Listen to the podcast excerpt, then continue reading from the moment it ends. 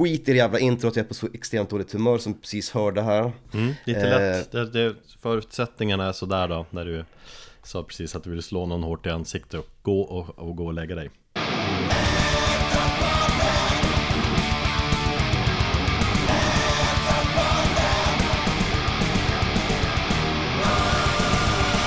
Hej och välkommen till avsnitt 178 av Metalpodden med Erik och Thomas. Ett försenat avsnitt kanske. Det beror på hur vi gör nu med det här, men vi tror det. På, på grund av sjukdomar och e- elände och coronan. Coviden, som man säger uppe i norr. Har du åkt på coviden? Ja, det är den där jävla coviden alltså, fan den kan dra åt helvete Så kan det gå ibland, och det är inte så mycket att styra över egentligen. Annars har ju, tycker jag, säsongen gått bra fram tills nu då, eventuellt. Um, det har varit andra säsonger då vi har haft en större paus och grejer. Men det är livet som kommer emellan ibland. Eh, så jag får väl helt enkelt inleda det hela då med att fråga dig Thomas hur du mår egentligen. Och då tänker jag framförallt fysiskt nu då. Ja, jag är fortfarande Alltså jag är så jävla irriterad för igår så var jag på bra, känner jag alltså hundraprocentig Igår kväll Mm. Men så vaknade jag och så mådde jag röv i morse Och så har det väl varit. Och är det inte också ett klassiskt sådär covid-grej? Att man tror, man blir lurad och tror att man mår bra. Ja, det är möjligt. Jag har ju legat hela helgen med, jätte, med jättefeber liksom, jättehög feber Hur hög feber då? Ja, jag vet inte, 40 grader Va? Kom du upp 39. i 40 grader? 39, nej kanske 39 grader eller någonting 30, Ja, snuddade vid 39 grader i lördags natt tror Jag hade 39,7 för ett antal år sedan, då, då var jag helt borta. Ja men jag var ju borta, jag sov ju, jag sov ju hela, hela helgen. Eh, nej, sen så, jag kan inte liksom komma tillbaka ifrån det. Och det tär på mig mentalt framförallt. Jo det har vi pratat om på sidan om här. Men din hals var eländig tidigare och nu har du haft liksom feber och coviden. Eh, Det känns som att du har eh, Nej, det har inte varit lätt.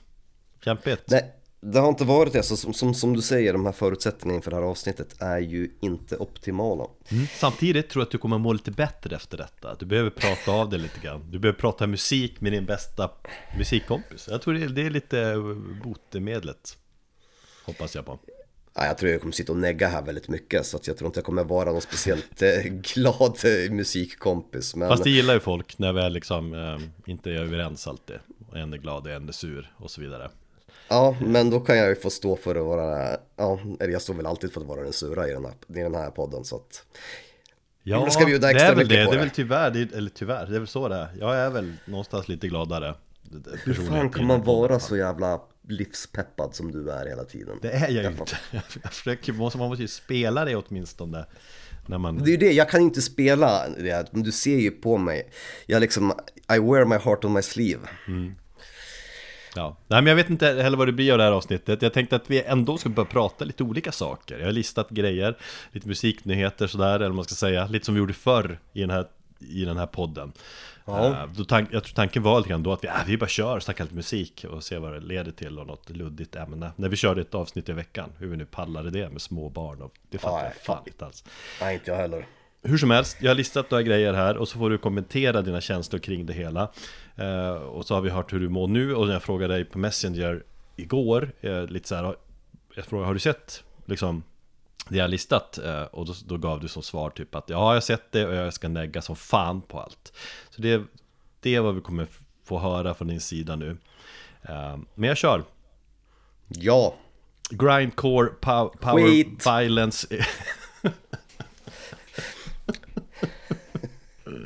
nej men okej, här ska jag inte negga. Nej. Grind, grindcore power violence bandet Nails släpper nytt. Ja Du, det gick du igång på. Ja men jag skrev det, det är lite sånt där man behöver liksom Men de skrev på sociala medier att en ny platta kommer I och för sig till sommaren var det va? 2024 Långt fram ändå Släpps på Nuclear Blast eh, Det är din favorit Kurt eh, Baloo som har rattat ljudet Det här är då den första fullängdaren sen den fantastiska Måste du också medge You will never be one of us som släpptes 2016 eh, Sen släpptes två singlar 2019 som var okej, eller de var bättre än, jag, jag minns dem när jag lyssnade på dem igår när jag var peppad Jag lyssnade också på dem igår och eh, jag tyckte inte de lät speciellt bra.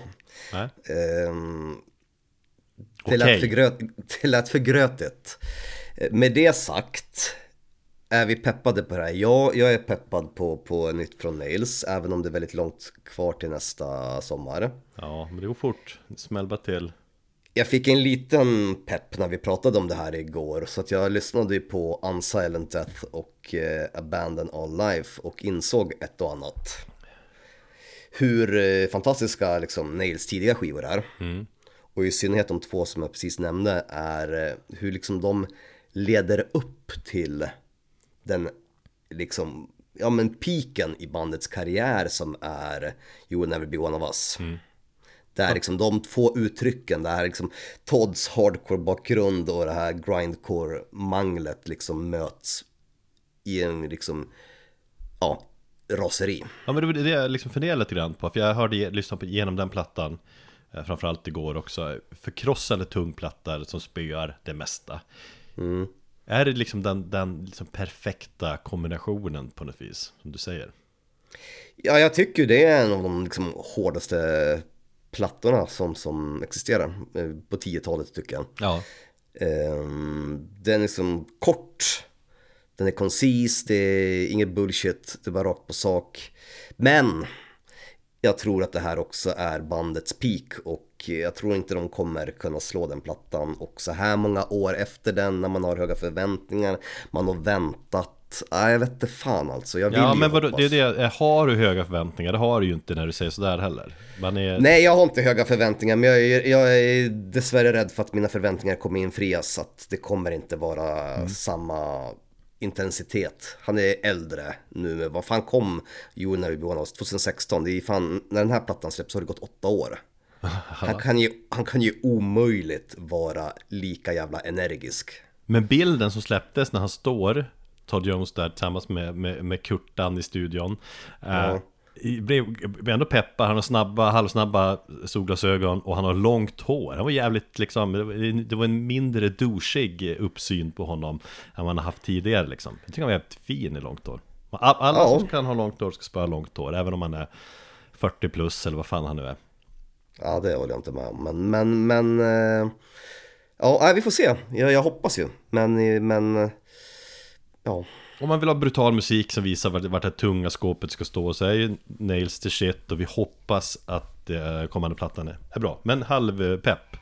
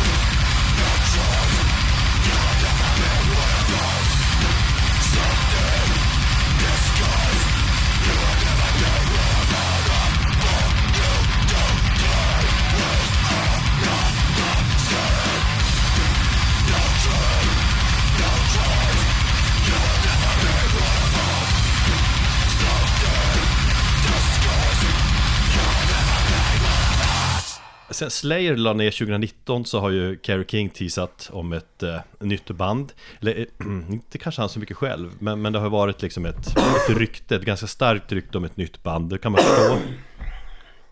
Hur går det med hostningen? Ja, kör på. Jag kommer hosta här till och från. Bra, du får muta bort dig själv. Eller så har du kvar i podden för mer levande podd så att säga. För att höra hur du mår egentligen. Men Kerry King kan man liksom säga, han har ju inte velat lägga ner Slayer, har man förstått. Eh, och han är heller inte redo att lägga ner musikkarriären. Han är liksom en ikon. Klart han ska köra vidare. Hur som helst, ryktet har ju varit att det är ett nytt så kallat superband på G här. Att trummisen eh, Bostaf är med verkar vara ganska självklart. Men det har också ryktats om Gary Holt, eh, Phil Baselmo Det vill säga precis som att Slayer fortsätter med att man typ byter ut Araya mot Anselmo. I princip, fast man måste bara ha en ja, till basist då också jag. Men nu har ju Kerry King släppt loggan på det här och det är, det är ju en Kerry King-logga. Det vill säga det är initialerna KK Mm. eh, Och det är ett upp och nedvänt kors typ Eh, Och då drar man ju Shocking. slutsatser där Ja, shocking Loggan är, den är bra men också råtöntig Det är så bara mm, ja. Nej men det är inget superband då På det viset att det blir ju ett Kerry King soloband Eh, Ja, och den enda som är bekräftad i bandet, och det är väl Bostock på trummor. Ja Men han är ju också Gar- lite higher gunnig liksom Han, han spelar Ja. trummor överallt Men Gary Holt har ju gått ut och sagt att han inte kommer vara med i bandet Mm. och eh, Anselmo var väl också bara ett rykte liksom. Rykte, jag är jättes, jättesvårt att se Anselmo skulle sjunga i det här liksom att Anselmo, skulle fronta ett band som heter Kerry King Det är no way in hell ska jag säga Nej, Ja, Så det, blir sant. King, Bostuff, några andra, kanske mindre kända personer Och jag vet exakt hur det kommer låta redan nu. Och det kommer väl släppas på, är det Metal Blade eller? Nuclear Blast låg väl kanske ja, Jag vet inte om det är klart Ja, nej men jag bara tänker på att ja, jag vet precis hur det här kommer höra. Det här kommer låta som ett riktigt big version av Slayer med liksom Kerry King som har skrivit allting. Men riktigt big, alltså att han säger att, att, liksom att material kommer att låta Slayer, det är ju eh, Det är självklart Han, Jo, han har men- själv sagt att ja, du vet, ni vet vad jag skriver eller hur min musik låter Men kommer det vara riktigt big? Det kommer att vara en sämre version av Slayer Men eh, det kanske Ja, ändå kommer att vara härligt Nej, det tror jag absolut inte. Jag tror det här kommer vara, men det här kommer vara som KK's Priest liksom. Ja, Det, det, kommer, det kommer vara... det det ja exakt. Kommer det vara. Hade det varit The Hanneman Project, hade, då hade det fan varit bättre och mörkare. Ja, han, har- han har ju tappat liksom, nu vet jag inte, sista plattan skrev väl, då var ju inte Hanneman med, så då skrev väl Kerry King det mesta av musiken jag för mig tillsammans med, ja jag vet inte hur mycket Ar- Araya skrev där också, han skrev väl en del, men Kerry King stod för det mesta, jag menar, alla andra plattor har ju liksom tidigare har ju Hanneman skrivit så att, och det säger ju, i och för sig, sista plattan de gjorde var väl inte så jävla dålig, men Nej, exakt men, ja. Fast nu, kommer, ha- nu har han liksom ingen annan, han kommer bara ha sämre låtskrivare än vad han haft tidigare och Gary Holt är inte ens med som man trodde från början. Tänkte att han kanske kan vara med och skriva lite schyssta riff och sånt där men Nej, nej det här kommer låta det, sämre, ja en B-version av Slayer eller en pappa-version av Slayer. Ja. Jag tänker ändå kan det bli lite småmysigt, så någonting man kan se på en scen tidigt på en festival. De kommer köra några Slayer-låtar som avslutning och det kommer vara fett. Eh, Men material kommer låta som Slayer fast mer, men alltså jag var ju mer jag var mer pepp på det, här- det här eventuella superbandet som inte verkar bli av nu då. Eh, För det det hade ändå varit intressant liksom, eh, ja, beroende på vilka som skulle vara med och vad de kunde göra. Han kommer ju köra detta till han eh, som hamnar i kistan. Jag tänker också är- så här, kanske var Anselmo med från början, för det har ju tagit ett, en tid det här, det här var väl, när var Slayer ner? 2019? 2020? 2019 sa du tidigare. Det sa jag? Ja. Eh, kanske var Anselmo tänkt från början, men sen kom det där andra bandet igång, hans gamla band som startade upp, eh, som bara skulle köra några gigs, Mm, eh, Pantera. Och de kommer inte sluta på ett tag som man har förstått. Så det hade du helt rätt i när vi diskuterar den här Pantera så kallade återföreningen. Eh, De bokar ju gig i sta- staterna nästa vår och har spelat massa med Metallica och grejer. Så då tänker kanske Anselmo har sagt nej Kerry, jag ska kö- hålla på och köra Pantera och mina andra projekt. Så fuck it. Du får köra själv. Ja, absolut, det kan mycket väl stämma. Eh, Kerry Kings pensionsplan i alla fall, så borde bandet heta, Retirement Plan. Och plattan kommer att vara en 3 plus platta, eller kommer det vara en 2 plus? Det kommer, ja, en, tre- den kommer vara kompetent men inte intressant. Ja. Och jag vet precis hur den kommer låta produktionsmässigt. Det kommer låta som alla jävla gamlingar som producerar någonting. Det kommer vara eh, livlös, komprimerad produktion. Och jag blir jättegärna överbevisad men, men jag tror inte på det. Vi fortsätter med Slayer. Slayer har man ju hört. Men har du hört Slower? Nej, fy fan. Slower är ju ett band som lirar... Eller ja, ja, jag har Ja, det har jag gjort. Eh, Ett band som lirar Slayer-låtar fast slower. ett halvgenialiskt koncept ändå på, på pappret. En, en idé som kläcktes av Fu Manchu-gitarristen Bob Bolcht, Bol, Bol, Bolch, Bolcht eller sådär, säger man kanske. Eh, För några år sedan. Eh, Och sen har han tagit kontakt med Espen från Monolord, trummisen i Monolord där. Eh, Och det har styrts upp ett band av det hela. Det är ganska liksom vass uppsättning ändå. Det är eh, Peder Bergstrand från Lowrider, det är fucking Scott Reeder från Kaius liksom. Eller, inte Kaius men Kyss. och det är eh, Laura Pleasance där från Kailisa med flera Så att det, det är rätt namnkunnig uppsättning och Någonstans blir det ju här någonting inom Doom, Sludge, Stoner Träsket Det, det liksom, låter ju bekant, en singel har släppts, War Ensemble um, Och kommande skivan som släpps i början nästa år så kommer även Slayer-låtarna The Antichrist, Blood Red, Dead Skin Mask och South of Heaven tolkas din kommentar?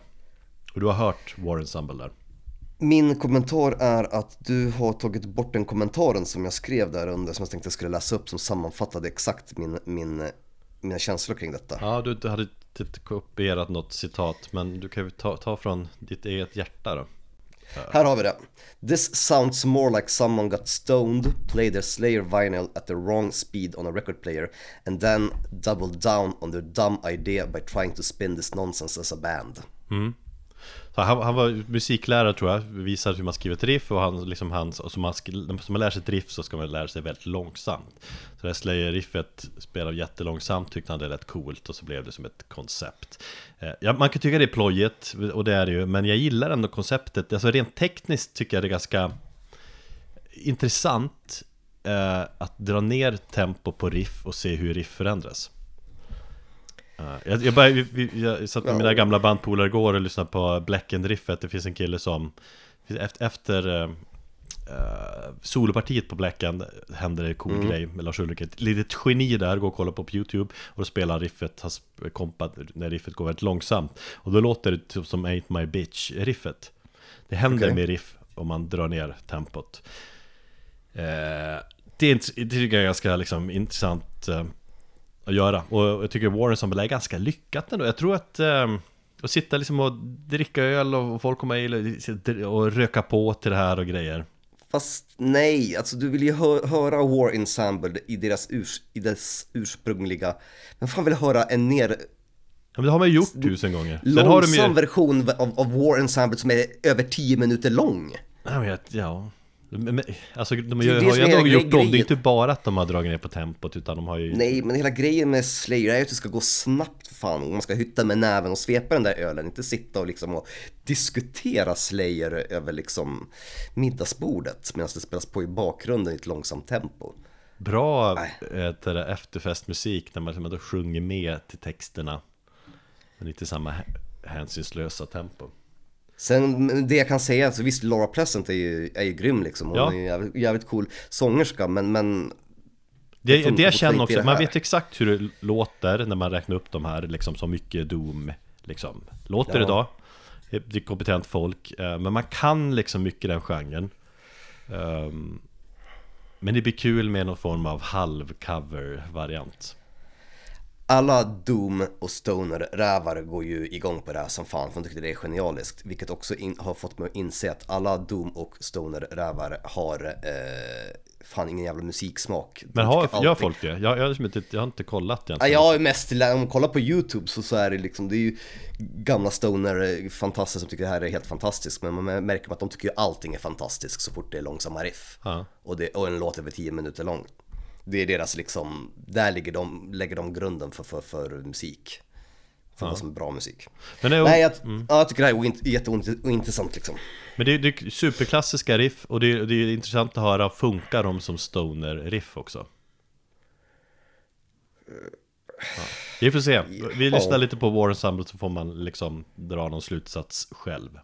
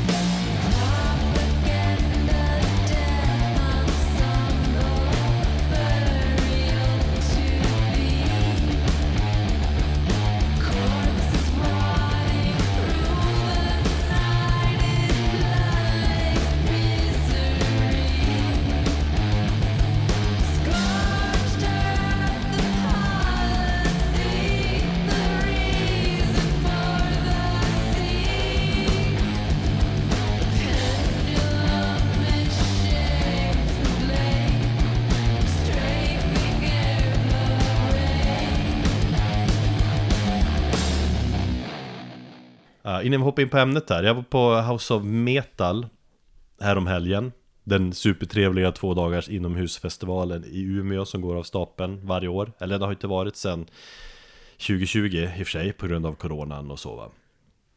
Ja, det var ju just det, då låg ju jag som mest i min feberyra.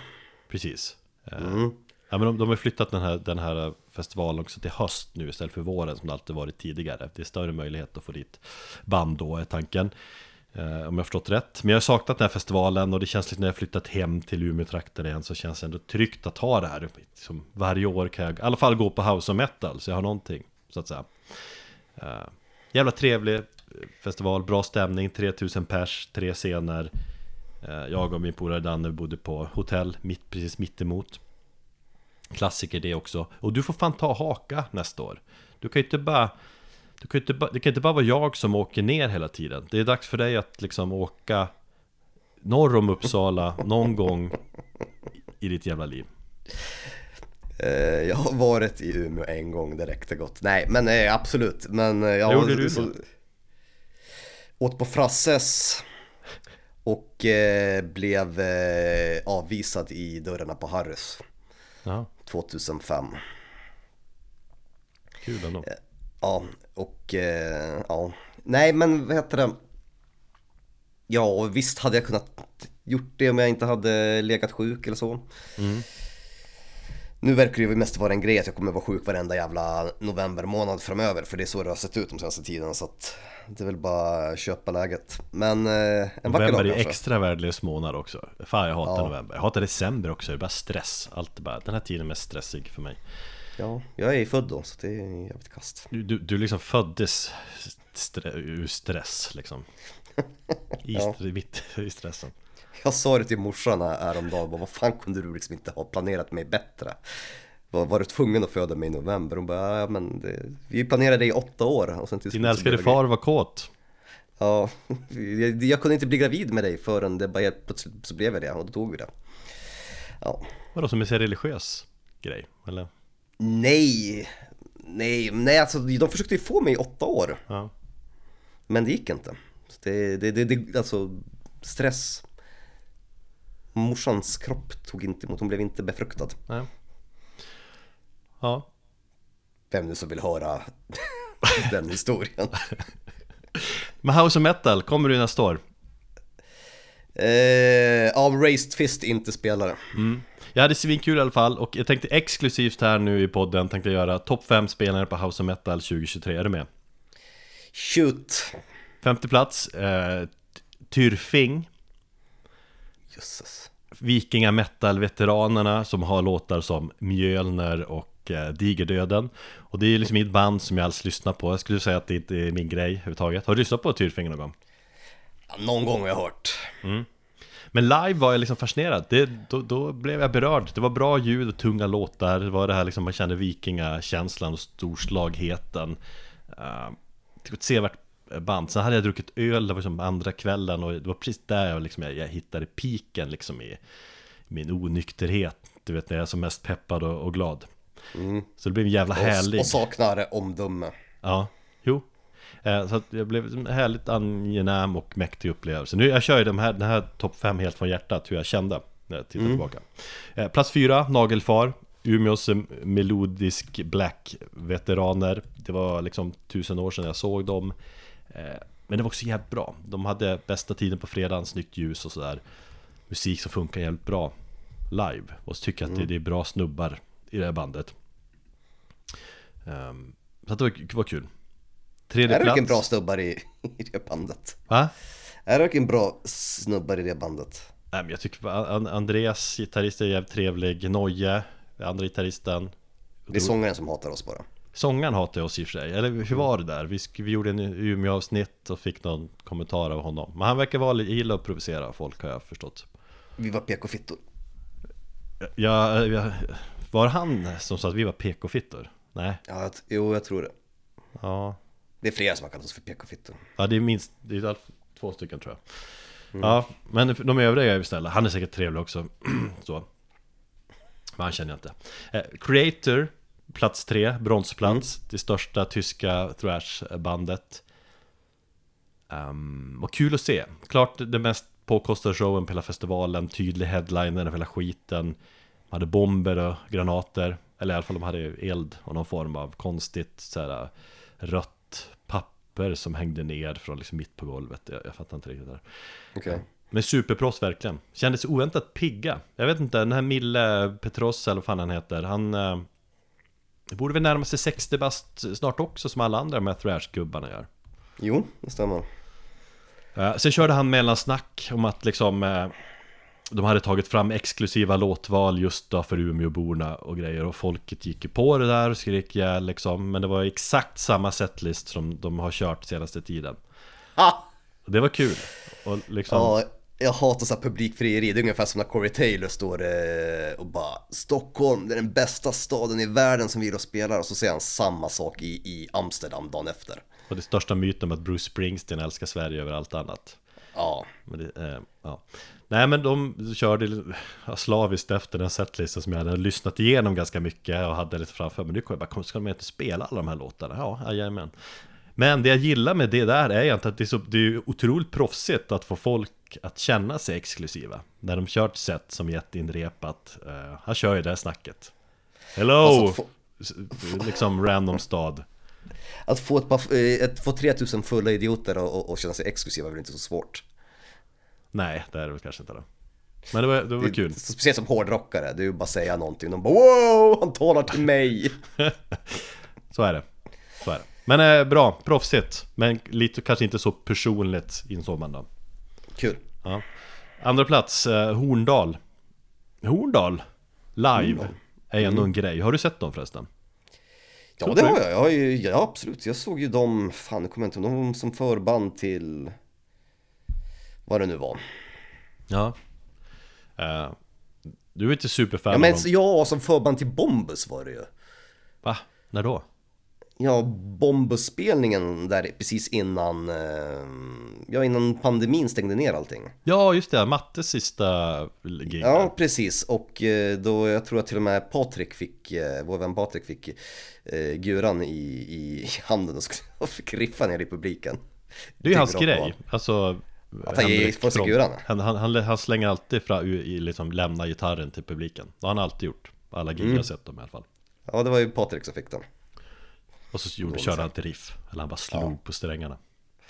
Ja. Eh, nej men de, är- Horndal är ju skitbra liveband för att de är råa och härliga liksom och deras riffmusik, det är framförallt riff liksom som jag tycker att de gör jävligt bra. Det, det kommer ut extra bra då. Jag är svag för, för Henrik Lavi, Levan, heter han va? Eh, de är två bröder i bandet. Eh, svag för han som frontfigur, han är lite burdus, lite farlig men ändå mysig. Är Och är lite så upp, supersnäll ju. Jo, men han försöker ändå vara liksom lite jobbig liksom live. Okej, ja. Uppenbart liksom lite nervös känns han också men han kallar eh, publiken för gullisar i varje mellansnack Mm. Sen hade de en extra gitarrist denna kväll liksom Tre gitarrister som gjorde riffandet extra mäktigt Och så kör de nya låtar som jag la upp på Metalpoddens Insta om man vill höra lite nytt material, bra riff Mm. Ja, Så andra plats, jag kom in lite sent till Horndal, typ en halvtimme, 40 minuter för att Anledningen till det var eh, på grund av första platsen som det krockade med, nämligen eh, Tribulation då, som var bäst. Som då, skrivit, som skrivit här i dokumentet Tribulatio. Ja, Suspiria de profundis. sorry. Eh, fantastiskt jävla bra som vanligt. Man saknar ju Hultens närvaro på scenen och sådär, men, men eller på skiva har vi väl kommit fram till att man kommer sakna honom som mest kanske. Men jag tycker ändå Josef Toll börjar bli bättre och bättre med sina vampyrposer också. Okej. Men sen är ju framförallt Adam Sars fan, fan, fan fantastisk. Helvete vad läcker han är att titta på. Okej. Um, För att? nej men hans, hans poserande, hans vampyr... Jaha, okej. Jag tänkte det var någonting nytt han började göra. Va? Jag trodde det var någonting nytt han började göra. Nej, men det var att han var, han tar liksom... Han, han har pondus på scenen. Jag tänkte på det, alltså efteråt. Vi såg ju Tyrann för några veckor sedan. Då var ju både Sars och Toll gitarrister. Det är samma gitarrister som i Tribulation liksom. Men det är en helt annan visuell grej, eller, eller, liksom- eller en helt annan... Va? Det har jag helt missat. Ja, men 12 vet du ju. Ja, och 12, jo för sig, men SARS. Ja. Jag Ja, kände nej. inte igen Sars heller, jag fatt, jag, först efteråt, efter den spelningen, bara, det var ju Sars, men han, han är kortklippt, han har lite så här hipsterfrilla Bakåtkammat Mm. liksom Okej. Ja. Eh, Och så rör han sig inte, han rör sig, han är det är en helt annan personlighet Mellan liksom vem han är i Tribulation och vem han är i I, i Tyrann Ja. ja, jag var ju så jävla full den kvällen så att... var, Jag, Jag såg du, inte- du såg du ens Tyrann? Knappt det känns, Jo, lite grann, det gjorde jag väl. Men jag gick ju mest omkring och snackade med folk. Nej men Tribulation, otroligt bra liveband fortfarande, det kan komma långt Jag tror man var förband till Ghost lite grann i staterna på sistone också Okej. Och det var så här blått scen och mörkt, man såg dem knappt, det var rök och vampyrrosan där Så att jag var fan tagen Det är som en film, fast det liksom i bandform, att uppleva Tribulation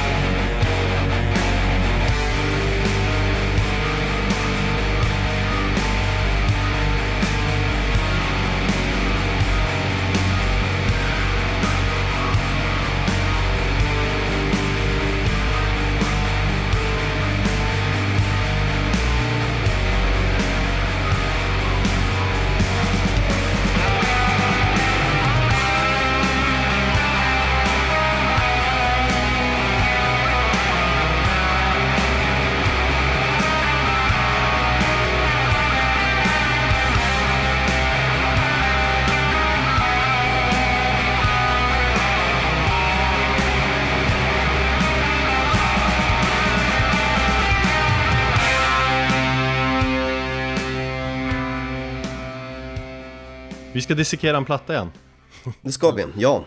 Vi ska skära sönder innehållet Vi ska kika vad som finns där i En obduktion av en platta Det är fjärde gången vi gör det här kommer jag fram till Ja, Tidigare har vi grej. Slayers God Hates Us All eh, Sepulturas Roots och eh, Saint Anger. Saint Anger Alla plattor som vi mer eller mindre, eller som är mer eller mindre hatade kan man säga va? Att det Ja, det, och vi fortsätter väl i den tradi- traditionen också, eller hur? Ja, fast samtidigt har vi sagt att vi liksom, ja men vi kanske ska ta en klassisk platta istället Liksom en erkänt bra platta att fördjupas Att fördjupa oss i eh, Och så pratade vi som Celtic Frost tidigare och jag bara, vad fan ska vi ta Megatherion då eller Into the Pandemonium och sådär Men du bara, nej, vi tar Cold Lake Det blir roligare Ja, för att jag känner att, speciellt Celtic Frost har vi pratat så pass mycket om. Ehm, Har vi det? Ja, på ett och samma. Vi har gjort Tom G. Warriors Uggs har vi gjort och vi har pratat om Hellhammer och vi har pratat om, om honom som, som artist ganska mycket och, och sådär. Så jag tänkte, kände, också att nej, men vad fan.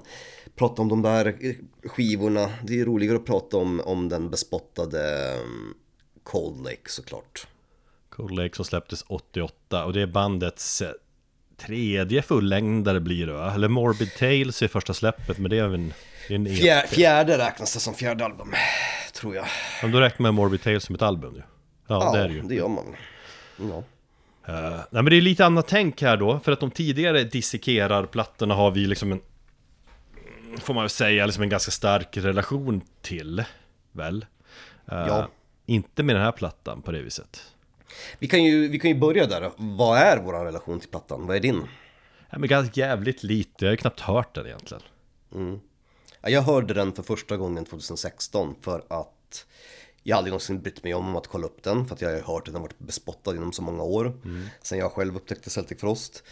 Ehm, och sen så är det ju som så att den inte varit tillgänglig på, på eh, någon liksom strömmande plattform heller. Förutom, ja det är i så fall YouTube du kan hitta bara, fan, jag tyckte du skickade YouTube-länkar hela tiden så att den Ja, alltså på YouTube går det från, du kan inte hitta, alltså Tom Jory har ju själv gjort allt för att kunna, för att liksom göra den plattan så otillgänglig som det bara går. Men han kan ju inte kon- kontrollera allt. Och det är därför det är fascinerande Alltså att det, alltså det är så jävla hatad platta Inte bara från liksom allmänheten utan från och- Han som ja. är, skrev plattan liksom Ja, alltså, och det, det det- hela det som är grejen, att allmänheten har till och med varit mer förlåtande mot den här plattan än vad han någonsin har varit under alla dessa år. Ja, Han har haft lite olika inställningar till, till, till skivan. Han har ju fördömt den, sen en, någon gång har han ju också sagt att ja okej, den var dålig men, men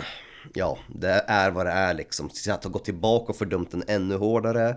Han har väl aldrig sagt att han tyckte att det var så här, ja men okej, men ja, nu senast så tyckte han väl också att den var ett jävla digert misstag. mm. jag, jag tycker det är fascinerande, för jag, jag snackade med sångar Thomas Brasse-finnen här innan där och, och liksom hur jävla bra Celtic Frost och Tom G Warrior är och grejer. Och jag frågade, har du hört Cold Lake då?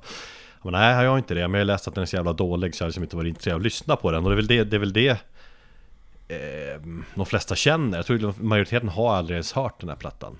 Kanske någon gång och insett, eller jag har ju hört den, men jag har ju som inget minne av det egentligen med att ah, den här var inget bra. Eh, Och det är det som är hela anledningen till att det är så intressant att lyssna på den som sagt. Eh, Och nu har vi levt med den här plattan ett tag.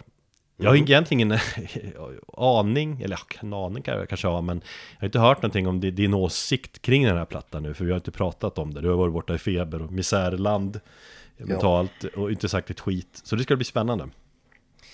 Eh, ja, absolut. Det, man kan ju säga så här, jag tycker också det är kul och eh, eh, Alltså att närma sig en platta. Jag hörde den för första gången 26 år efter faktumet. Eh, och sen så ändå ha vissa saker i bakhuvudet när man närmar sig. Och eh, ja, vi kommer komma in på det här framöver. Men, men man kan närma sig på lite olika sätt och det, beroende på hur man väljer att närma den plattan så, så, så kan man komma fram till olika saker. Tycker jag. Ehm, Ja, men absolut, Men- du tar olika vinklar på den. vi, vi, vi kommer till det. Vi, vi kan ju som sagt, vi kan ju gå in kanske på, på, på bakgrunden. Celtic Frost var ju ett av de, ja de var ju redan, hade redan haft liksom kultstatus med både in the, in the Into the Pandemonium som var, hade liksom blivit deras kommersiella framgång och även liksom To Megatherion. Vilken av de plattorna är störst egentligen?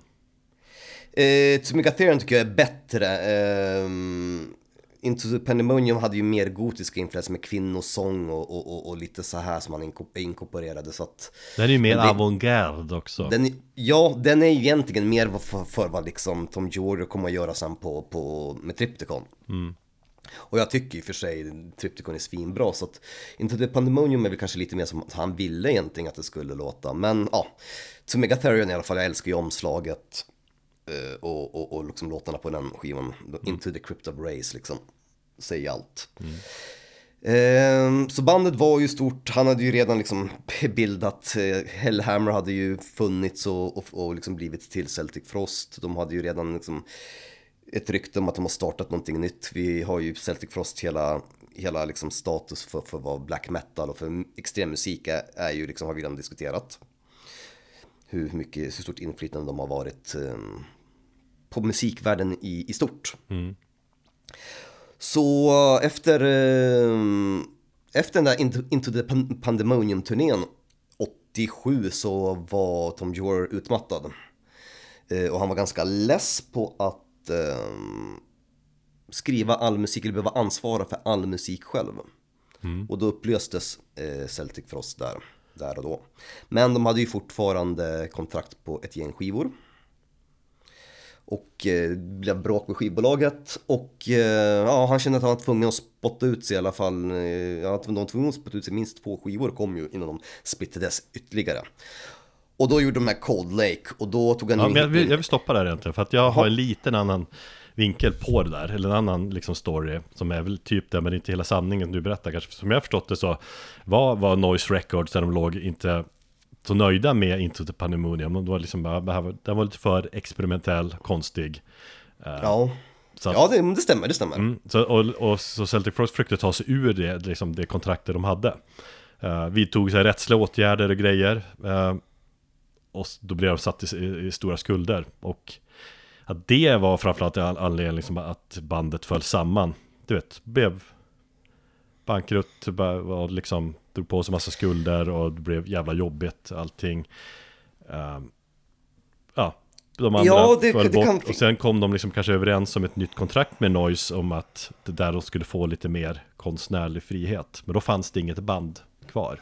Så, jo, du kan ha mycket väl, jag var ju var lite väl snabb där med händelserna, jag kanske blandat ihop vissa händelseförlopp. Jo, men det låter, det, det är sant. De, de, eh, jag minns att, eh, och jag jag har läst om att skivbolaget eller Noise Records då var, var missnöjda med, med Celtic Frost. Ja. Och där uppstod väl de första slitningarna sen till slut som gjorde till att bandet upplöstes. Ja. Så, och eh, ja, men då, då, då kom de med ett nytt kontrakt, liksom Noise bara, men ni får göra lite vad ni vill här nu då, fuck it. Eh, Okej då, efter liksom Mm. Och då, ingen- och, och då hade han inget band. Nej. Så då bara, ja men då, då blev det de en nytt form av Celtic Frost. ehm, och tog liksom nya musiker.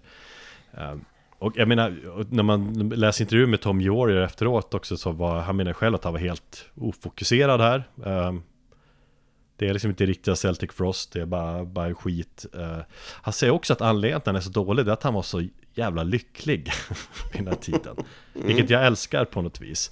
Att Ja, men han, var, han var så lycklig för att han hade träffat liksom en eh, fantastisk kvinna och eh, de skulle gifta sig och Jo. han liksom bara lycklig och kär och bara, ah, vi slänger väl ihop någon platta. Ehm, och sen har han insett att eh, jag, jag ska inte skriva musik när jag är lycklig. Det är alltså den musiken jag skrev innan och innan jag träffade henne. Det kommer från misären och det, har vi, ja, men det här har vi pratat mycket om. Met- Metal ska inte göras av lyckliga människor.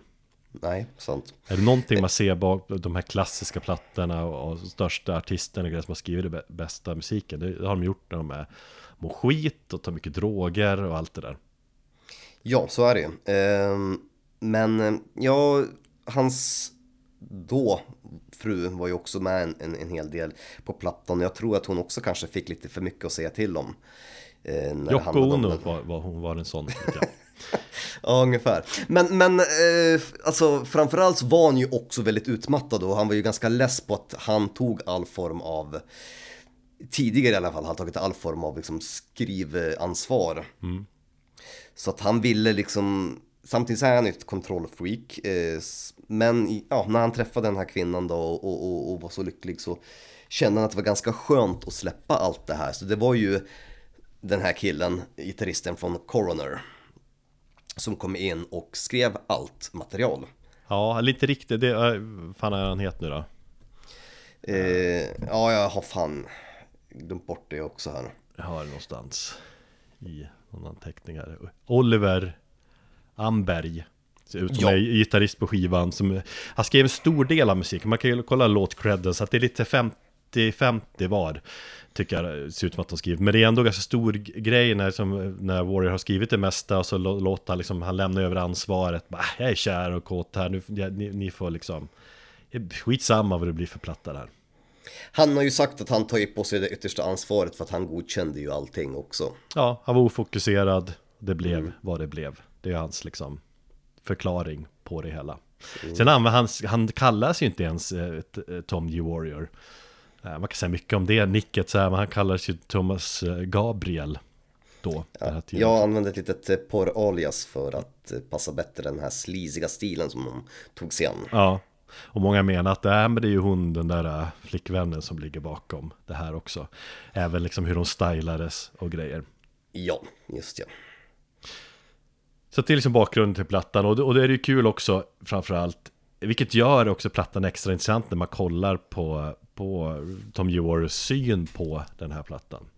Menar, han har ju- sagt att det liksom Det är eh, det värsta albumet som någonsin har skapats inom liksom metal. Och, och det, säger han säger, det säger inte jag för att vara cynisk det, det, det är min helt ärliga liksom, uppfattning att det här är den sämsta plattan som någonsin har gjorts. Och jag tycker ändå inte det är den sämsta, den är en dålig, den är en dålig platta beroende på hur man närmar, närmar sig den. Men, men det är absolut inte det sämsta albumet i, i uh, metalhistorien. Everybody knows it's it's it's it's a piece of shit. It's a piece of shit. I think Well, it is. I, I mean, it's it's Look, weird it's- album, but it's It's it's a really really shitty album I did 34 years ago. And that's really all there is to say. It's it, it doesn't even merit a minute of talking. It's it's it's so dismal musically that that it's it's a joke. This fucking album is a joke. And Is it one one of those flaws or mistakes you mentioned before? well, I'm. I'm a human being. You know, I'm, I'm not perfect. Pe- people say "Tomori legend, blah blah blah. But you know, nothing could be further from the truth. I'm, I'm a human being, and, and uh, I, I take step by step, and some of the steps are missteps. Luckily, I didn't have too many of these, but but Cold Lake was a grave misstep in every conceivable manner. Uh, and that, of course, was terrible in 1988 when it was the newest album I had released. But now it's 34 fucking years ago, and I don't give a shit. Han eh, har väl ändå så att det enda positiva som kommer ur det här är ju att han kan omöjligtvis göra någonting som är sämre än det här. Ja. Men det Att han kanske han gjort. ändå har gjort. Det kan vi ju komma till också på slutet här tänker jag. Ja, det är fan sant. Det är fan sant. Mm. Men, om vi- och det är hans syn på skivan. Man blir ju också automatiskt mer liksom nyfiken på att höra plattan. Hur jävla, är den så dålig? Hur jävla dålig kan den vara? Kan det vara den sämsta plattan som någonsin har skrivits liksom? Ja, det var ju därför jag kände så att nej nu 2016 där, bara, nej, jag kanske ska ta och kolla upp den här plattan nu då. Bara för att höra och närma mig med den. Och så blev jag så här, okej, det lät annorlunda men det lät inte så jävla dåligt som jag har hört genom historiens gång att den ska vara. Nej, precis. Men om vi, om vi går på vår syn på skivan, för att jag är jättenyfiken där. Men jag har lyssnat igenom plattan orimligt många gånger faktiskt. Ja. typ det skivan jag har lyssnat på mest i år på något jävla sätt nu. För att jag har haft på den, jag har jobbat till den, så jag har kanske inte aktivt lyssnat på den koncentrerat. Men den har, den har manglat på i bakgrunden, jag har suttit och jobbat. Ehm, och jag tänker, allt blir väl också bra av att nöta på. Ja, inte- jag har också nött den ett tag i min feberyra och till slut så kom jag till en, till en punkt där jag blev jävligt arg och irriterad och kände att nej, jag klarar inte av det här något mer. Ja. Ehm, och kände att nej, nu, nu, nu, nu får det fan räcka. Ehm, jag behöver inte lyssna på den här plattan mer. Ja, men jag, första genomlyssningen har varit så att ah, allt är liksom bara en sörja här egentligen. Ja, Eh, Men sen kommer ju låtar fram, riff kommer fram. Eh, Och jag, jag gillar den också automatiskt mer när, när Warrior hatar den så mycket. För det- jag, menar, jag, tycker, jag tycker fan det är töntigt att hata den så mycket. Liksom jävla Tom Warrior, embracea den istället, jävla surgubbe. Att, eh, och det är inte, inte sagt, det är inte så att allt annat han släppt är amazing. Eh, så att, mm, jag är väldigt tveksam till hans ut. Jag tycker han ska, fan, pressa Ja, men nytt. Stå för den. Stå för vad du har gjort då liksom. Han försökte göra någonting annorlunda, det gick inte hem, men fine, det är en del av tidens gång. Ja, men så här, 30, snart 34 år senare, eh, eller 36, eller vad fan är det? Ja, jo, eh, 40, 36 år senare. Så eh, är skivan, hatar den ju fortfarande lika mycket. Och det, men den där vi lyssnar på nyss, det är ju från i år, eller från förra året tror jag. Från för, ja, precis, det är ganska nylig, nyligen sagt. Eh, men jag tänker, han har också sagt att, eller han har ju, han bad ju Noise Record om att eh, inte ta med den, den här skivan när de gjorde sina återut, återutgivningar i hela deras backkatalog 2009. Så banade han, eh, banade, han bönade och bad om att inte eh, ta med den här skivan och de lyssnade på honom. Sen så har ju Noise Record köpts upp av BMG sedan dess och eh, han har ju sagt att han kanske får eh, acceptera faktumet att någon gång under eh, efter hans död så kommer plattan återsläppas eh, på vinyl och han sa det är väl okej då, jag kan inte hindra människor men så länge som jag lever tänker jag göra allt jag, jag kan för att hindra den här skivan från att släppas. Och han är ändå, han är ju så pass, så pass cool ändå så att jag, jag, jag, tycker, jag tror ändå skulle kunna säljas äh, hyfsat. Alltså en ny press. Så lite Jag tror det. Ja, absolut. Varför inte? Det finns så många som tycker ändå, men den, den här plattan är ju en jävla helig graal bland, bland eh, skivletare. Ja, den är inte så jävla dyr. Discogs verkar man kunna få en, en, liksom, en första press för, jag vet jag kollade till exempel kanske 300 spänn, 300-400 spänn eller sånt där. Inte mer? Ja, men alltså i och för sig, då kollade det kanske var inte den bästa kvallan på den heller. Nej, okej. Men en mint condition platta, ja där är det väl kanske mer. Ja, okej, ja. Eh, Men, men, men ett problem jag har med, med plattan så jag tänkte, det är att låtarna är i samma tempo. Alla, alla låtar går i någon typ av mellantempo. Ja, exakt. Det bara maler på på det viset. Och för, för variationens skull så skulle man man hade, man hade velat ha en betydligt snabbare låt. Ja, men det finns flera riff som hade tjänat på att kanske dra upp tempot på. Eller dra ner, om man ska tänka slower. Slayer Ja. slow. Eh, kanske en långsammare jävel, en ballad, kanske någonting för dynamikens skull på plattan hade den tjänat på. Jag eh, håller med dig. Eh, halvvägs in och jag tror det är typ så här från låt 5 till 8, 4, 4 5 låt, eller fyra låtar ungefär där någonstans mitt, mitt i plattan så, så, så blir det väldigt påtagligt hur, hur ext, extremt lika alla låtar är uppbyggda. Det händer exakt från sida B och framåt, det blir, då blir det liksom lite jobbigt så. Ja, Men jag, jag också lite... Vad sa du? produktionen är ju också en, en avgörande faktor i, i, på den här skivan. Ja okej, vi, hopp, vi hoppar till produktionssnacket då För det, det är det enda jag hört dig säga om plattan tidigare eh, När vi chattat att du har klagat på virvelljudet Det är för att du är skadad av liksom Tim Bertilsson som är trummis och han liksom Det är många skivor han bara ratar på grund av dålig virvel eh, Du, lat, du, ratade ju en dålig virvel här nyss du också ju. Ja men det var en exceptionellt dålig virvel Du, du Som jag tyckte lät ganska bra ändå. Äh, nej, nej, nej. Men, men skitsamma. Eh, är det inte rätt okej produktionen då? Jag säger inte att den är bra, men den är inte värdelös. Den är väl liksom tidstypisk produktion. Det är det är inte därför plattan står ut, så att säga. Det är inte bara, ah, bra platta, men helvete vad jobbig produktion. Det är inte så man tänker. Ja, den är väl tidstypisk, men det är fortfarande någonting i den som gör att den, det är därför jag blev lite förbannad och stängde av efter, det gjorde fysiskt ont i mina öron att lyssna på den efter en stund. Eh, jo, och det här med just med virvelljudet är att vissa låtar låter bättre producerade än andra för att den förmodligen ins, inspelad i olika takes. Ja. För Men det kan jag gilla, det, då blir det ändå mer levande på något vis. Att, istället för att allt är liksom låter exakt samma. Ja, ja jag, jag tycker att... Eh, nej, om man nu ska jämföra med den, den tidens band då, jag tänkte på just sleazeband som Mötley Crüe då, då hade de ju... Nej, de hade... De försökte, de försökte låta som Mötley Crüe men de lyckades inte. Det är för Ja. metalliskt, det är lite för klink-klankigt liksom.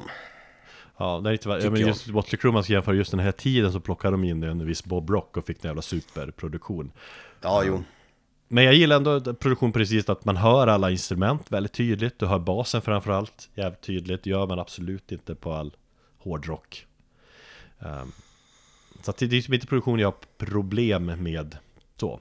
Men jag skulle också vilja säga att jag har det som en åsikt där att eh, om man skulle ändra texterna lite grann om man skulle ha gjort det, som vi kanske kommer till och liksom så här bandfoton, hela det här visuella ehm, så tror jag liksom ändå att plattan hade kanske tagits emot lite bättre.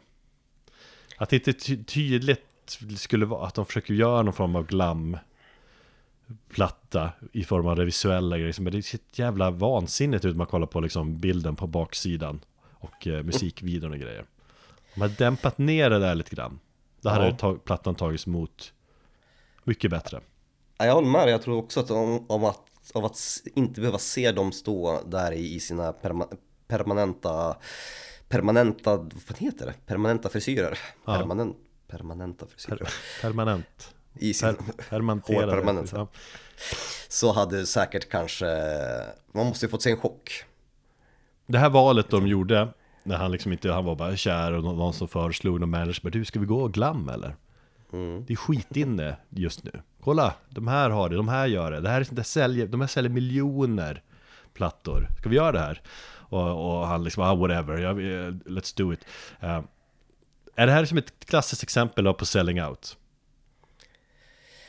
Att man försöker Eh. göra, någonting som var inne just då och liksom bara Ja, jo, absolut, det tycker jag för att han står ju inte för det. Och han, eh, hade han kunnat stått för det, jag tycker att så länge man... Han stod man, fan för det då, även om han inte riktigt tänkte efter Ja, Han jag upp fri- frisyren, han spelade ändå in den där musikvideon liksom Och poserade Så Mm. där och då, det kan liksom Där och då var det Han ville ju, han ville ju gå i ett mer kommersiellt, eh, en kommersiell väg också har han sagt eh, när han skrev Into the Pandemonium och försökte få bandet att kanske spelas lite grann mer på kommersiell radio. Så att tankarna fanns väl där och kanske bredda musiken lite grann men att det här var kanske ett steg för långt. Ja. Så att ja, jo, nej men det, det är väl någon form av ja, selling out. Han var väl ett misstag helt enkelt. Vad, vad, vad är det här jävla selling out begreppet? Jag tycker det, det är lite småtuntigt att diskutera om det ibland men Nej men det gick så här långt då din hatarskiva, jag tycker också fascinerande att han ja, men Där och då har väl, ja, men från liksom de, de, de plattor han släppte innan eh, Och så släppte han här dödare liksom all cred bandet hade då Ja, det är absolut. Och även om de spelade in... eh, De släppte ju en skiva efteråt också. Eh, fan heter den nu? Åh. Bara för det eh, har jag totalt hjärnsläpp för mycket corona i huvudet. Covid Ja, precis. Ja precis, det Eh, kommer senare på 90-talet med eh, t- tånamn eh, Ja Precis så, så där fanns det ju inget intresse för bandet längre och sen så dödade han ju, dem, dödade han ju bandet totalt där innan de återuppstod med Monotheist 2006 liksom. De är så- också jävligt bra. Och, liksom, och då fick han på något vis upp credden. Jag tror att liksom, anledningen att den var så jävla bra att han fortfarande liksom Nu är det ju nästan, ja, den kom 2006 ja, och nu är det 2023 Att han fortfarande har ju väldigt bra status så. Vanity Nemesis hette den plattan som kom efter. Eh, eh, Ja, nej precis, och det är jävligt lustigt att han ändå på något sätt eh, känns att han har lyckats behålla sin status trots grava misstag och trots att han egentligen någon, någon, har gjort någonting som är ännu värre än Cold Lake. Men, Men- ja, det där är väl härligt att han kan liksom Han står för sina misstag och grejer och har varit ärlig kring det Jag tror det har en stor del med det att göra En, eh, innan vi hoppar in på och dissekera låtarna så tänkte jag bara säga att det var någon som såg en ganska talande kommentar att det här skulle liksom, ingen skulle ha blivit förbannad på den här skivan om det hade, här, om det hade varit Megadeth. För de säger det låter som Megadeth. Tänk dig lite grann det här bajsnödiga eh, David Mustaines s- sångstil. Lite melodi, lite thrash riff och sånt där. Och hade det här varit någon annan än Celtic Frost som hade släppt så hade inte det här varit en dålig platta. Men du gillar inte Megadeth, och då säger du liksom att Det är som att de, Megadeth som är ett dåligt band för dig, hade släppt det hade varit okej Jag köper att framförallt en låt låter jävligt mycket Megadeth Men Megadeth har ju helt andra typer av Låtar liksom Ja tycker jag. Men skivomslaget kan man googla fram. Eh, Celtic Frost, Cold Lake. Det är... Vad tycker man om det? Det är inget att ha riktigt jämfört med tidigare coola plattor. Det finns gigeromslag och grejer. Men jag tänker också att det är lite tidstypiskt lite selling out. Det är cleant. Eh, det, De har gjort en ny logga va? De har använt C och F på ett snyggt sätt och väldigt och så här lila bakgrund. Jag tänker att den är, det är också något glam med metal-tänk i det. Cleant omslag där. Ja, jag vet inte, jag tycker alltså, omslaget är väl inga konstigheter egentligen tycker jag. Nej, Inte. tidstypiskt kanske. Jag har inte Ja. heller så mycket att säga om det egentligen. Um, Men vi, om vi går in på liksom musiken. Vi ska gå igenom eh, låtarna. Men, men vad är det för liksom, vad är det för genre egentligen? Vi säger att det är glam. Men jag, jag köper inte riktigt det. Hur skulle väl du liksom Jag skulle vilja säga att det är någon form av...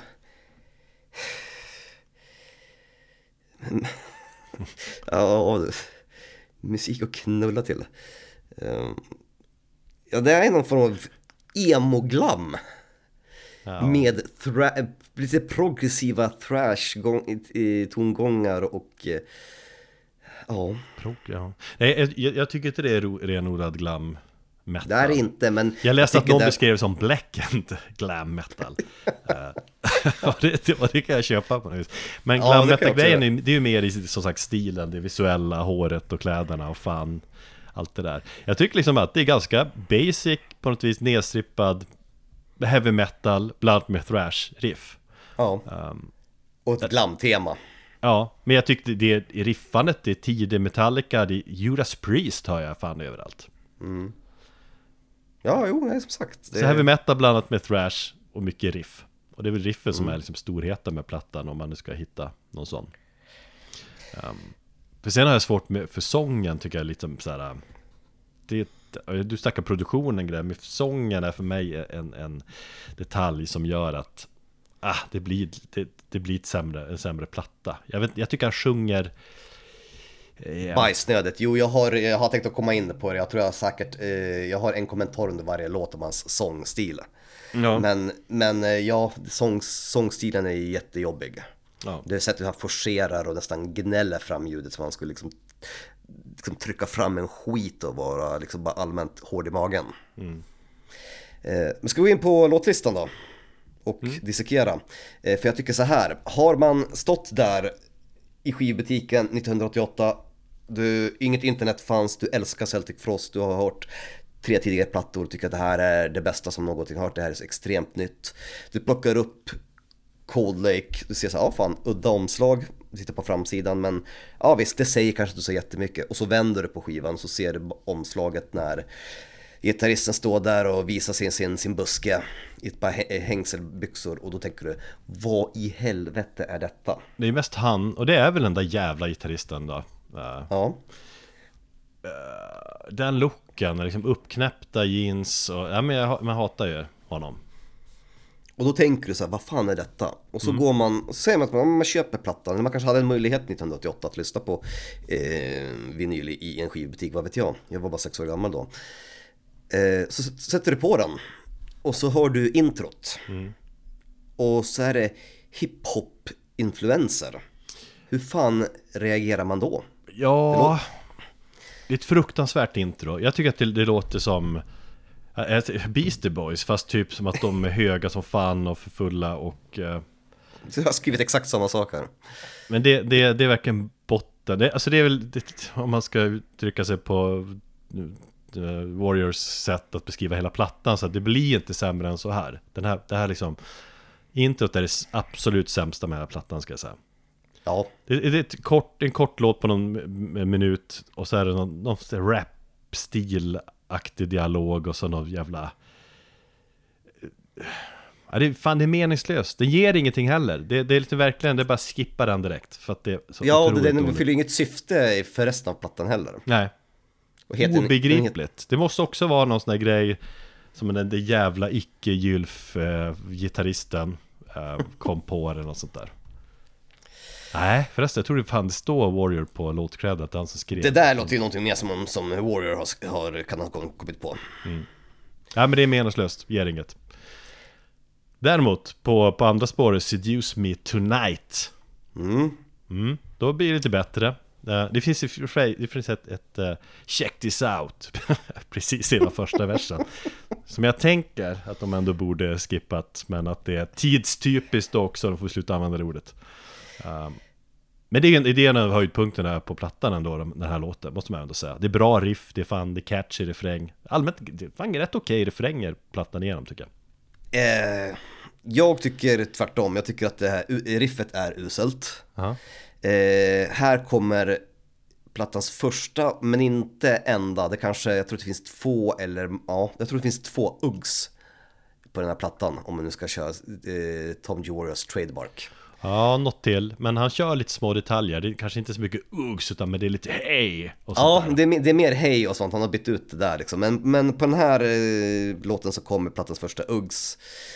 Ehm, och det blir lite Celtic Frost-vibbar faktiskt tycker jag. Innan, eh, en liten liten stund så är det någonting som minner om, om gamla klassiska Celtic Frost.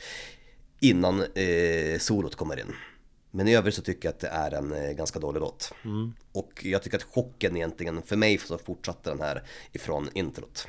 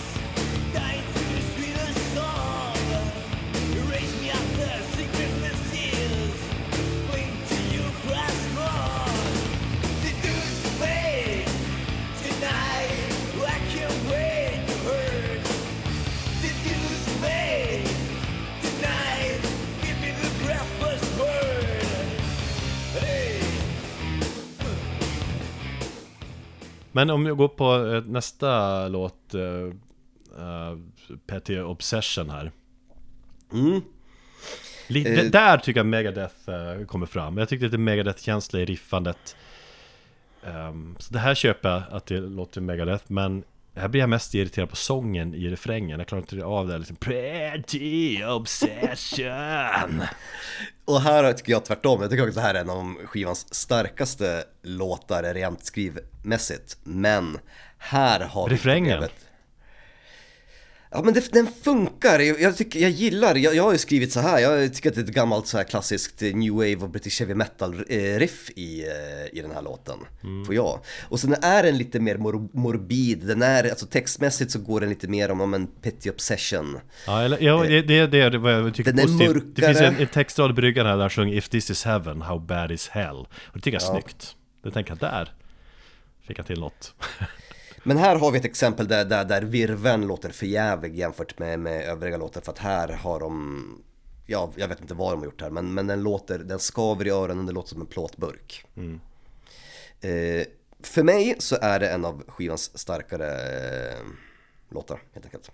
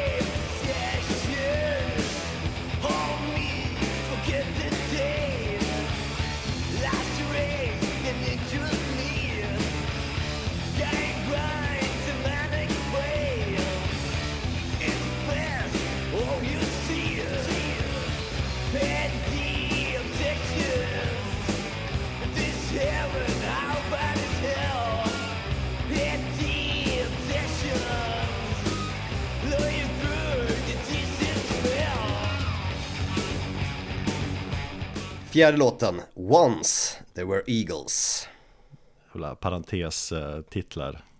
Ja, eh, konstig låttitel Den är inte så jätteglammig jämfört med övriga låtar Nej. jag Jag vet inte, jag har inte riktigt fastnat det här heller. Men det, jag tänker på när jag hör den är att det är, ganska, det är tydliga refränger på den här plattan, tänker man. Ehm, och sen kommer vi till eh, eh, låt nummer fem, Cherry Or- Orchards, eh, som, eh, den, som de har släppt en singel och video till. Som är, ja, men det är ganska sevärd ändå, för att när man ser videon förstår man ännu mer av konceptet. Eh, på det viset att det är verkligen full on, eh, full on all in på glamlooken. Ja, det, och där, det är där jag också blir så förvånad över om han var så jävla kär och liksom tatt, ofokuserad, hur, liksom, hur långt liksom, gick han? Han måste bara lyssnat på vad folk sa till honom. Vad fan, vi ska spela in en video där han står och liksom glammar och håller på och fjantar sig. Jag säger Ja. det. Och det var liksom det som gällde. Det, jag menar, Ja. band som Poison sålde ju liksom miljoners album i den tiden och grejer. Så att det... Det var ett koncept också, glömde på det, det här var ju också på slutet av den, den genrens eh, storhetstid Men då det fortfarande sålde jävligt mycket Så han tänkte väl att fuck it, det är klart att alla Alla vill tjäna pengar Ja. ja jag har skrivit så här att ehm, om Celtic Frost då har försökt att mixa traditionell sleaze eller glam metal med sin egna säregna stil så lyckas de på den här låten. Jag tycker faktiskt att här är det liksom Celtic Frost bra förpackad i en glamskrud. Men det, det är också, jag, jag tycker att det som står ut på plattan, det är det riffen tycker jag. Man hör ändå Ja. att det, mycket riff är hans finurlighet. Så det är coola riff, jag tycker låten är ganska Mötley Crüe-osande. Det får mig sugen på Mötley Crüe och glam. Eh, jag har ju skrivit upp att vi ska göra ett glam metal avsnitt någon gång. Det måste vi göra. Eller om ni är en patron, patreon.com slash metalpodden. Gå in där eller ni som inte har valt ämne än, väl säg att vi ska göra ett glam metal avsnitt för att tvinga ner Thomas i fördärvet. Ehm, men ja, ja, nack- det är något tjejsnack i versen här som jag har svårt för. Det är väl hans eh, brud här då, som kommer Ja. från ingenstans tycker jag. Men annars tycker jag här är absolut en av höjdpunkterna. Ja, jag lyssnade på plattan lite snabbt så här, eh, eller bara drog igenom vissa låtar nu innan vi ska spela in det här avsnittet. Jag gick igång på, på ändå Cherry Orchards. Det blev ju skivans starkaste, det blev ju singelsläppet och, och ändå en, en minnesvärd låt från, från, från den här tiden. Man förstår att den här var liksom singel sådär. Jag tycker också att solo till den här låten funkar. Att jag, har väldigt pro- jag har problem med många av solorna på den här plattan. Det känns som att de är bara inslängda för att varje låt ska ha ett solo. Ja, de har phonat in varje jävla solo. Ja, det Ja. är mycket, mycket den känslan. Här funkar det dock bättre än vad det gör i övriga låten. Dancing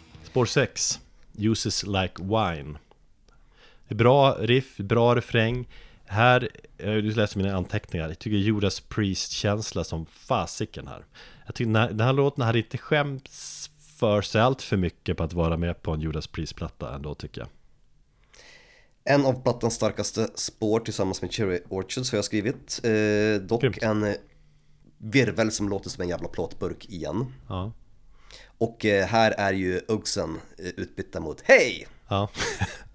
Och det är en eh, mörk och ganska snuskig låt. Om man lyssnar på den här låten så tycker jag Och så tänker man att det är Halford som ska sjunga den här istället och grejer Och lite tuffare metalproduktion och grejer så att Ja, bra Sen så, ja helt, helt eh, ovidkommande så kommer jag att tänka på, på, på ett fuktigt anus när jag hör låttiteln Juices like wine, jag vet inte.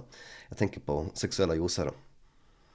Ja, det kanske är, jo men det är mycket så sexuella eh, referenser får man en känsla av texterna. För det, och det är någonstans det som jag tycker också lite eh, typiskt också att texterna från, från det var någonstans jag, jag läste typ att they, they literally went from songs about Satan to, song, to songs about being seduced by a woman.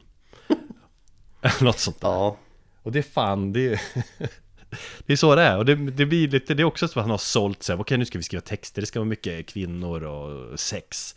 Lite konstiga anspelningar sådär. Uh, det säljer.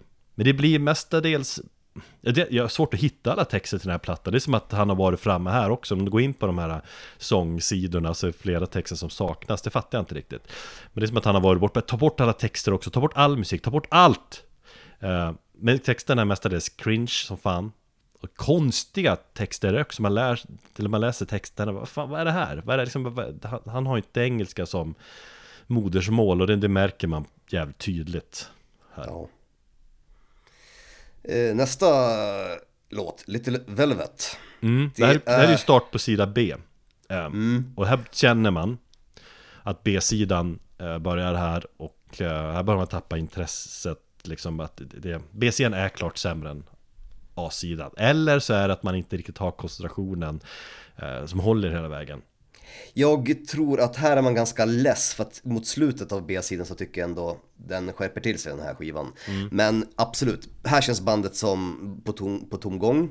Det är oinspirerat riff. Eh, Jag tycker att här blir det väldigt också klart och tydligt att skivan är uppbyggd på ett och samma sätt. Ja, det är okej Det- låt, eller nej, det är en tråkig låt. Det, är Nej, den en är- filler totalt. Den, det är en total filler och eh, när han sjunger Rock me little velvet Det irriterar mig så jävla mycket för han pressar fram det liksom så här, mellan tänderna, tänderna är ihopknisslade och så, så här, det växer som att han trugar ut orden och det är så jävla cringe och så jävla Man blir avdåligt. irriterad på det. Varför, liksom, varför gör han det där? Ja, Ja, ja det, det var väl ja, tidstypiskt. Det var väl det.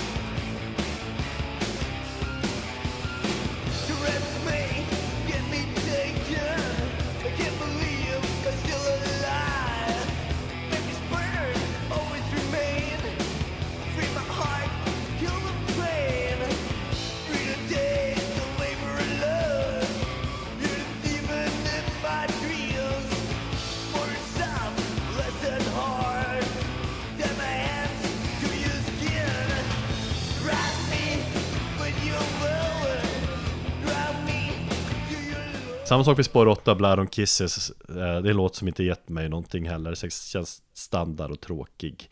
Jag känner inga riff heller som står ut. Nej, Ehm. Skriv, har skrivit exakt samma sak. Lite för glad låt tror jag också. Liksom att man vill inte ha det för glatt. Nej, precis. Mm. Eh, Downtown Hanoi är den nionde låten. Eh, fortfarande liksom samma låtstruktur hela tiden.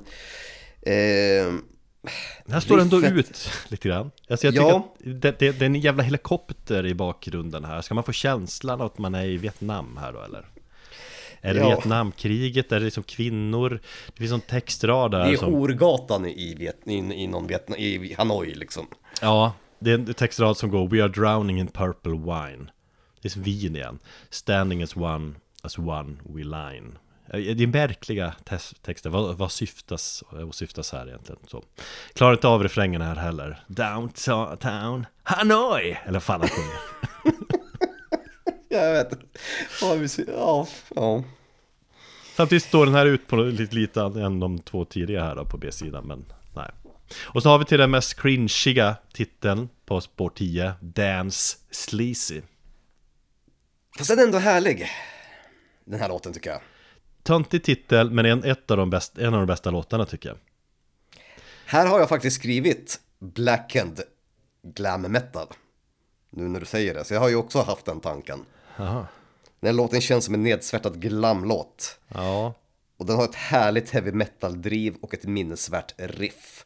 Och den är lite annorlunda uppbyggd. ja. Jag tänker att titeln, det, det har liksom tagit för att man vill vara en del av glam metal-gänget här då. Men eh, så finns det ett riff som man har snott från låten Blitzkrieg som låten eh, Metallica gjort en populär cover av. Som släppte tidigt i sin karriär. Ja, bandet Blitzkrieg va? Visst är det Blitzkrieg som har gjort Blitzkrieg som Metallica har tolkat? Ja, det, det är bara eh, riff rakt av, svinbra riff i och för sig. Eh, Men se, då, hela låten tycker jag är bra riff och det är ett, också bra solo på den här låten jag har skrivit. Ja, Fan vad överens vi är då. Ja, men det är ganska, jag är för, för, för, förvånad att vi ändå är så pass överens. Förutom kanske de två, två låtar där i början som vi tyckte lite annorlunda om. Ja. And now a touch of beauty is added to our program. Hello, boys.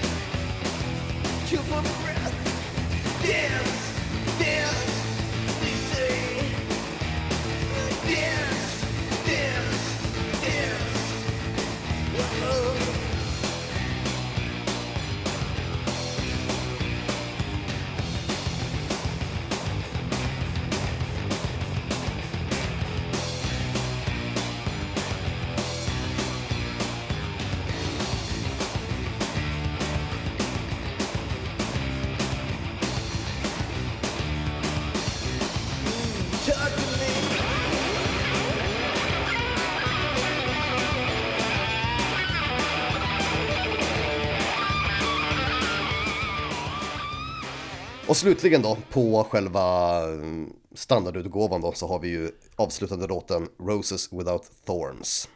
Här blir jag glad för, för att här finns en, en Rose, eller en roslåt som jag kan lägga in i min ros-playlist.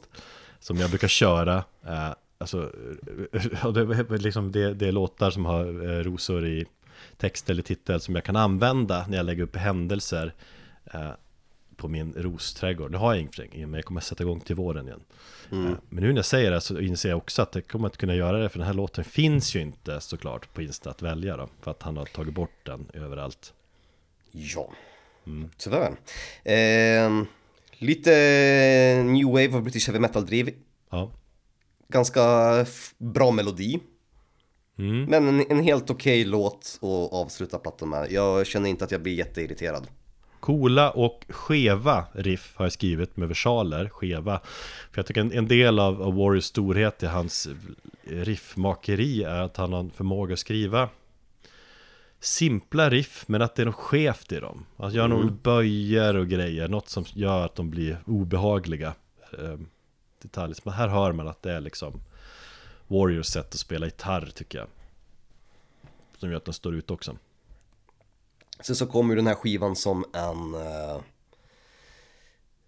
med bonusspår, då har du ju eh, låten eh, Tease Me som eh, vi kanske inte behöver gå in i den här, jag vill bara säga att den är för fruktansvärt dålig. När vi pratar om irriterande re- refränger när han bajsar ur sig, liksom, eller klämmer ur sig saker, då har du ju det värsta kanske i just den låten. Så det är skönt att det inte finns med på originalspåret. Men vi har ju pratat om den här låten tror jag, när, när vi pratar om de här liksom, lå, lå, sämsta låtarna av de bästa artisterna och så där. Hade inte du tagit den här som exempel då? Och, jo, och Det hade jag fan! Då hade du, men du, du också bröt mot regeln för du hade inte koll på att det här var liksom en, en B-sida också, eller en bonus. Nej, det det är fan sant nu när du säger det.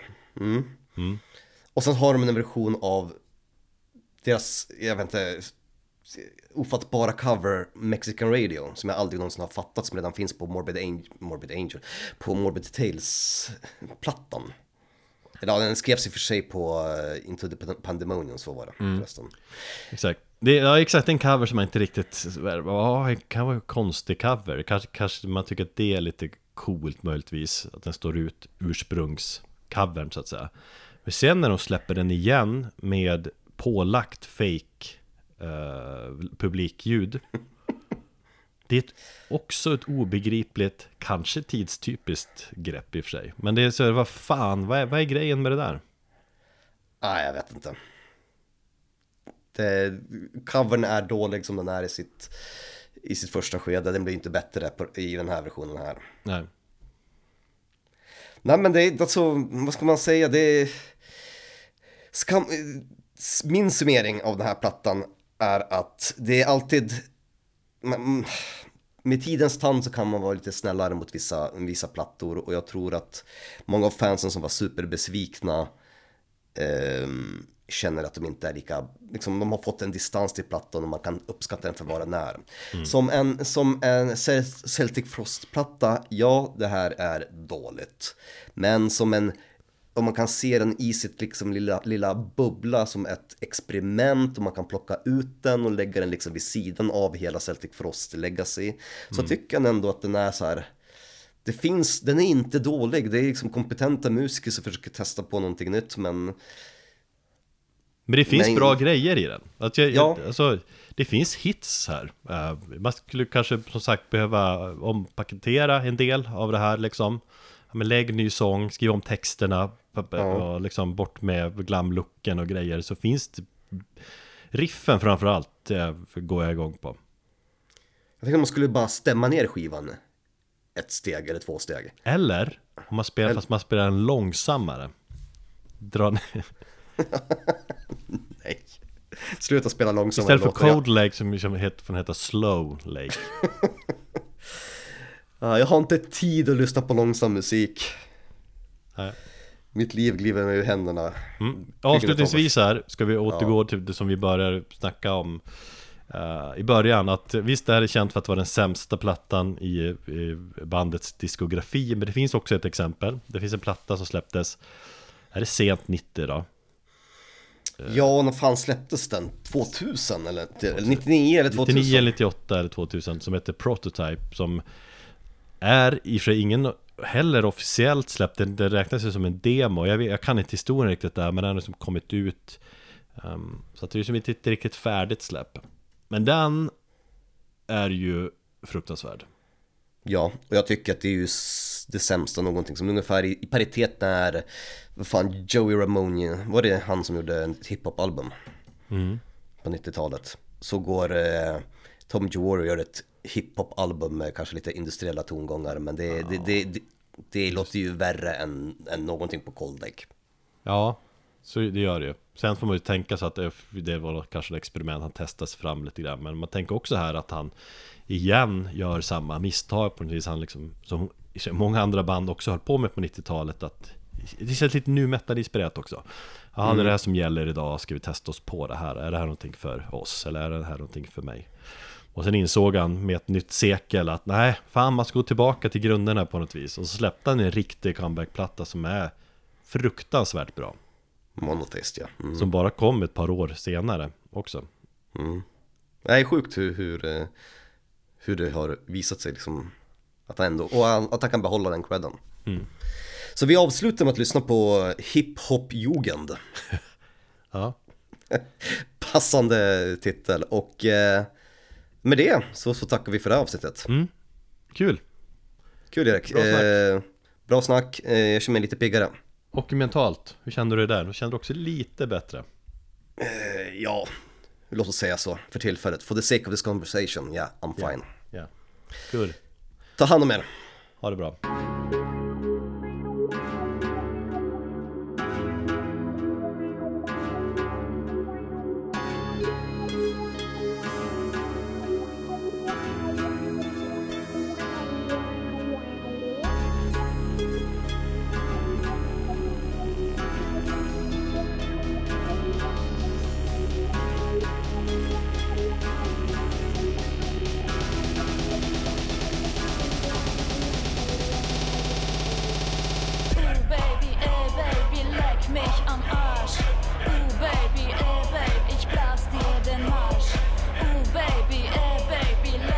Um,